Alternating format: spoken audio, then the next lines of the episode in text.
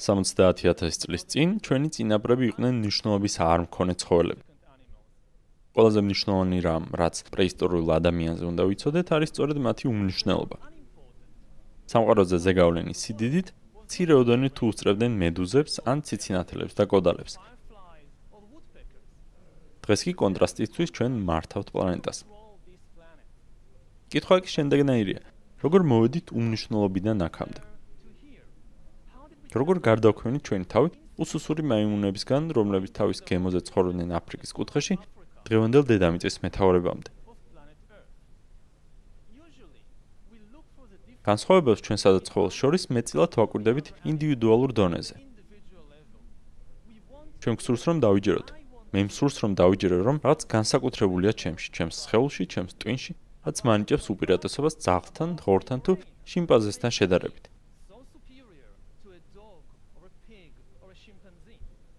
მაგრამ სიმართლე შემდეგნაირია. ინდივიდუალურ დონეზე სამარცხნილოდ გავარ შიმპანზეს.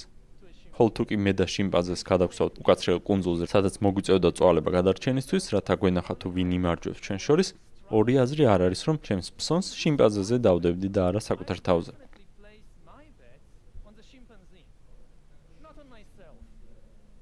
ეს იმას არნიშნავს, რომ პერსონალურად რაიმე პრობლემა მაქვს. ალბათ ნებისმიერ თქვენგანი რომ აღმოჩენილიყო ამავე კუნძულზე ჩემს ნაცვლად, შიმპანზე ისევ და ისევ გამარჯვებდა გადარჩენაში. რეალური სხვაობა ადამიანებს და ცხოველებს შორის არის არა იმდენად ინდივიდუალურ დონეზე, არამედ კოლექტიურ დონეზე. ადამიანები მართავენ პლანეტას, რადგან ისინი ერთადერთი ცხოველები არიან, რომელსაც ძალუთ თანამშრომლობა როგორც მოქნილად, ასეთ ძალიან დიდ ჯგუფებად. არიან სხვა ცხოველებიც, როგორც სოციალური მწერები, ფუტკრები ან ჭიანჭველები, რომლებსაც შეუძლიათ დიდ ჯგუფებად ითანამშრომლონ. მაგრამ ამას არც თუ ისე მოქნილად დაკეთებენ. მათი თანამშრომლობა მეტად ხისტია. ფაქტობრივად არსებობს მხოლოდ ერთი გზა, რომლითაც ფუტკართა სკა ფუნქციონირებს. ხოლო თუ კი არსებობს ახალი შესაძლებლობა ან თუნდაც ახალი საფრთხე, ფუტკრებს არ ძალუთ სოციალური სისტემის სწრაფად რეორგანიზება. მათ ასევე არ ძალუთ მაგალითად დედოფლის სიკვდილით დასჭა და ფუტკართა რესპუბლიკის დაარსება, ანაც შრომელი ფუტკრების კომუნისტური დიქტატურა. სხვა ცხოველებს, მაგალითად სოციალურ ძუძუმწოვრებს, მგლებს, სპილოებს, დელფინებს, შიმპანზეებს მათ მოქნილი თანამშრომლობის უნარი შესწევთ, მაგრამ მხოლოდ ცირე ჯგუფებში. ინაიდან შიმპანზეებს შორის თანამშრომლობა დაფუძნებულია ახლობლობაზე, ერთი მეორის ცნობაზე.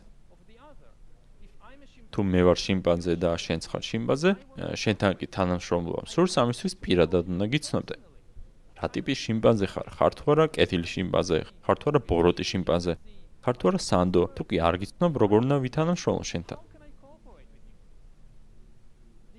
ერთადერთი ცხოველი, რომელსაც შეუძლია ამ ორი უნარჩვევის გაერთიანება, ანუ ითანამშრომლოს როგორც მოქნილად, ასევე დიდ ჯგუფებში, ვართ ჩვენ, Homo sapiens. ერთ-ერთის წინააღმდეგ თუნდაც 10-10-ზე შიმპანზეები დიდი ალბათობით გვაჯობებენ. მაგრამ 1000 ადამიანი 1000 შიმპანზეს წინააღმდეგ ადამიანებს უპირატეს პოზიციაზე ამყოფებს. ერთი მარტივი მიზეზის გამო. ვინაიდან 1000 შიმპანზეს კოოპერაცია არ შეუძლია. ხოლო თუ კი 100000 შიმპანზეს თავს მოუყრით მაგალითად ოქსფორდის ქუჩაზე, ვემბლის სტადიონზე, ტიანმენის მოედანზე ან ვატიკანში, შედეგად მივიღებთ ქაოსს, სრულ არეულობას. უბრალოდ წარმოიდგინეთ უემბლის სტადიონი 100000 შიმპანზეთი, სრული საგიჟეთი იქნება. შედარებისთვის ადამიანები ასეთ ადგილებში 10000ობით იკრიბებიან ყოველგვარი პრობლემის გარეშე. ნუ მეძილად. რასაც ჩვენ ვიღებთ არის ძალიან დახვეწილი და ეფექტური კოოპერაციათა ქსელი.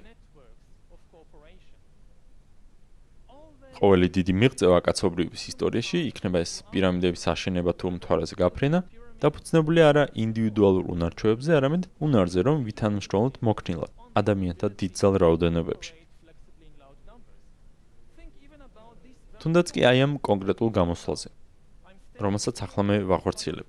მე ვდგავარ 300-იან 400 კაციან აუდიტორიის წინაშე. უმეტესობა თქვენგანი ჩემთვის უცხოა. ასევე არ ვიცნობ ყველა ადამიანს, ვინც ამ გამოსვლის ორგანიზებაში მონაწილეობს.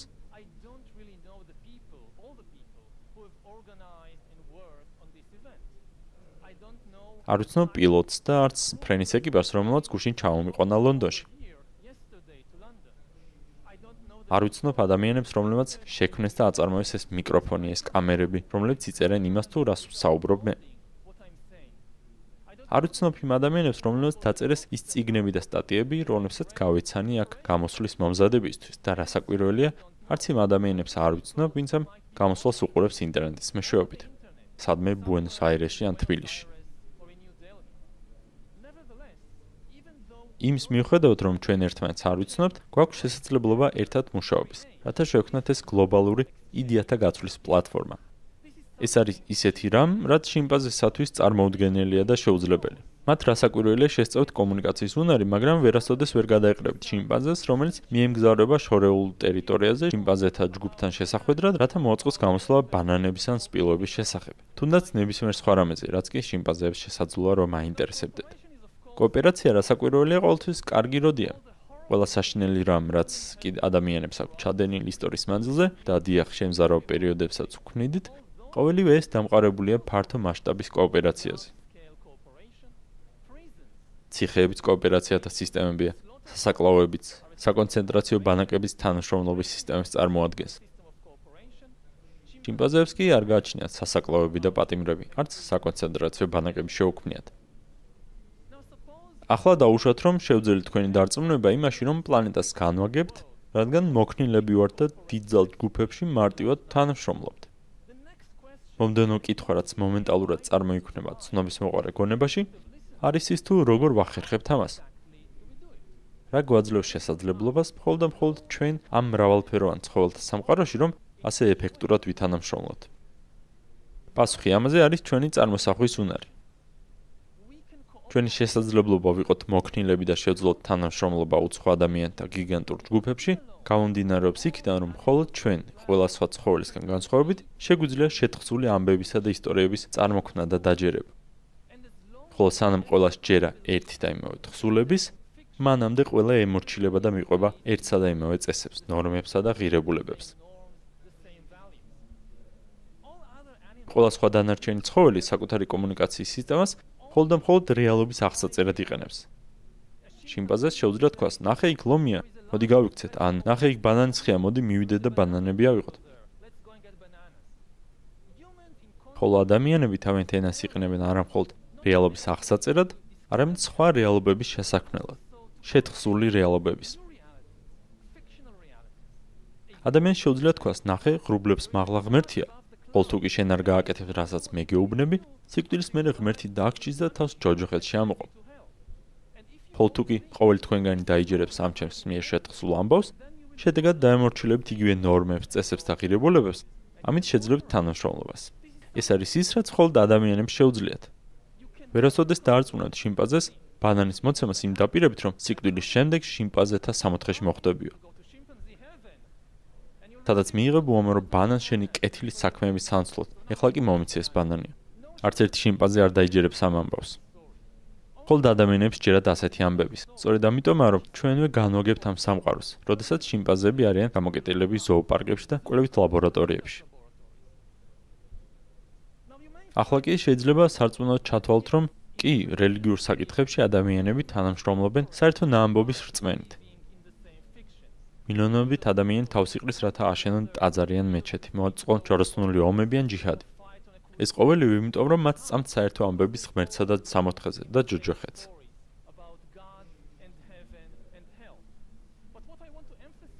მაგრამ რაზეც მე მსურს ხაზგასმა არის ის რომ სწორედ ეს მექანიზმი არის ფუნდამენტი ყველა სხვა კოოპერაციისა ადამიანებს შორის.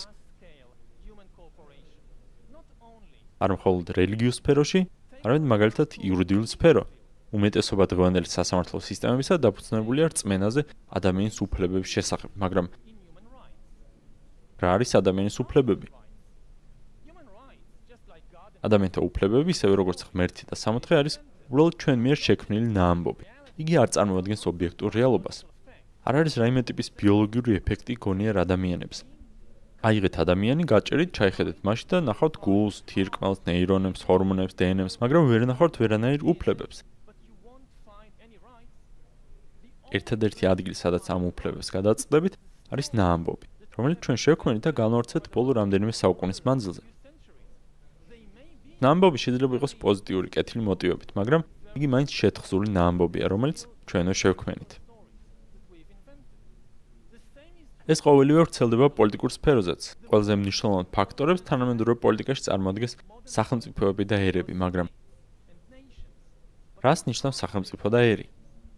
ეს არ არის ობიექტური რეალობა.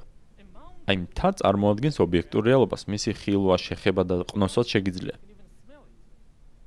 მაგრამ ერი სახელმწიფო, მაგალითად, ისრაელი, ირანი ან საფრანგეთი ან გერმანია უბრალოდ ნაამბობებია, რომელიც ჩვენო შევქმენით და ჩვენო წარმოგვექნა მათ მიმართ ემოციური კავშირი. იგივე სიმართლეა ეკონომიკის სფეროს მიმართაც. უმთავრესი ფაქტორები თანამედროვე გლობალურ ეკონომიკაში არის კომპანიები და კორპორაციები. ბევრი თქვენგან შესაძლოა მუშაობდეს კიდეც რომელიმე კორპორაციაში, მაგალითად Google-ში, Toyota ან McDonald's-ში, მაგრამ რა არის ეს?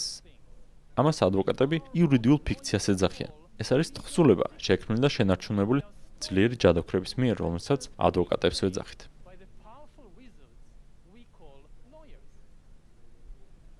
ხოლო რა საქმიანობენ კორპორაციები მთელი დღის მანძილზე?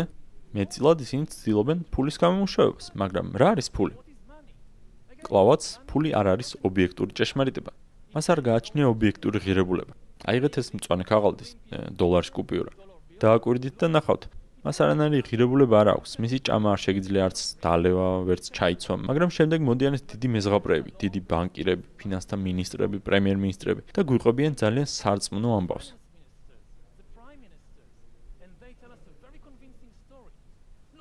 ხედავ ამ წვანე ქაღალდის ნაჭერს. ეს რეალურად ღირს 10 ბანანი. ხოლო თუ კი მე მწამს ეს და თქვენც გწამთ და ყველა სწამს გარშემო, შედეგად ეს იდეა მუშაობს. შემიძლია ავიღო ეს ღირებულების არ მქონე ქაღალდი, მივიდეს სუპერმარკეტში, მივაწოდო სრულიად უცხო ადამიანს, რომელსაც არასოდეს შეხვედრილო არ აქამდე და სანაცვლოდ მიიღო ბანანები, ნამდვილი ბანანები, რომლის ჭამაც რეალურად შემიძლია. ეს სრულიად განმაცვიფრებელია. ამას შიმპანზეებთან ვერასოდეს შეძლებდით. შიმპანზეებიც ვაჭრობენ, რასაკვირველია, შენ მომცემ ქოქოს, მე მოგცემ ბანანს. დიახ, ეს მუშაობს, მაგრამ შენ რაღაც უაზრო ქაღალდის ნაჭერს მაწვდი და ჩემგან სანაცვლოდ ითხოვ ბანანს? არაერთვარ შემთხვევაში შენ მე ადამიანი ხო არ გონი ვარ? კი პასუხობთ შიმპანზე. ფული რეალურად არის ყველაზე წარმატებული ამბავი, რაც კი ადამიანებს შეუქმნიათ, რადგან იგი ერთადერთი ამბავია, რომელსაც ყველას ჯერა. ყველას არ წამს ღმერთის, ყველას არ წამს ადამიანთა უფლებების, ყველას არ წამს ნაციონალიზმის, მაგრამ ყველას გააჩნია რწმენა ფულის და დოლარის კუპიურის მიმართ. მაგალითისთვის აიღეთ თუნდაც ოსამა ბინ ლადენი. მას ძულდა ამერიკელების პოლიტიკა ამერიკელებს, რელიგია ამერიკელებს, კულტურა, მაგრამ არაფერს ერჩოდა ამერიკულ დოლარს. რეალურად უყვარდა კიდეც ის. მოდი შევაჯამოთ. ჩვენ ადამიანები ვმართავთ სამყაროს, რადგან ჩვენ ცხოვრობთ ორმაგ რეალობაში. ყველა დანარჩენი ცხოველი ცხოვრობს ობიექტურ რეალობაში.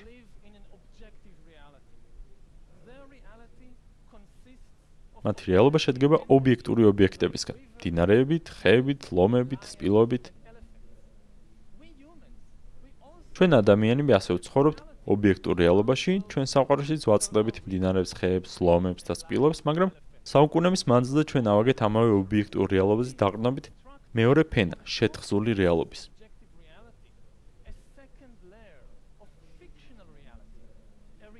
რეალობა შეთხზული წარმოსახვდი ობიექტებით, როგორიცაა ერები, ღმერთები, ფული, კორპორაციები. ხოლო განმაცვიფრებელი ამაში ისაა, რომ ისტორიის განმავლობაში ეს წარმოსახვითი რეალობები უფრო და უფრო მომძლავრდნენ. ამიტომ დღეს სამყაროში ყველაზე ძლიერი ძალები სწორედ ეს წარმოსახვითი ობიექტები არიან.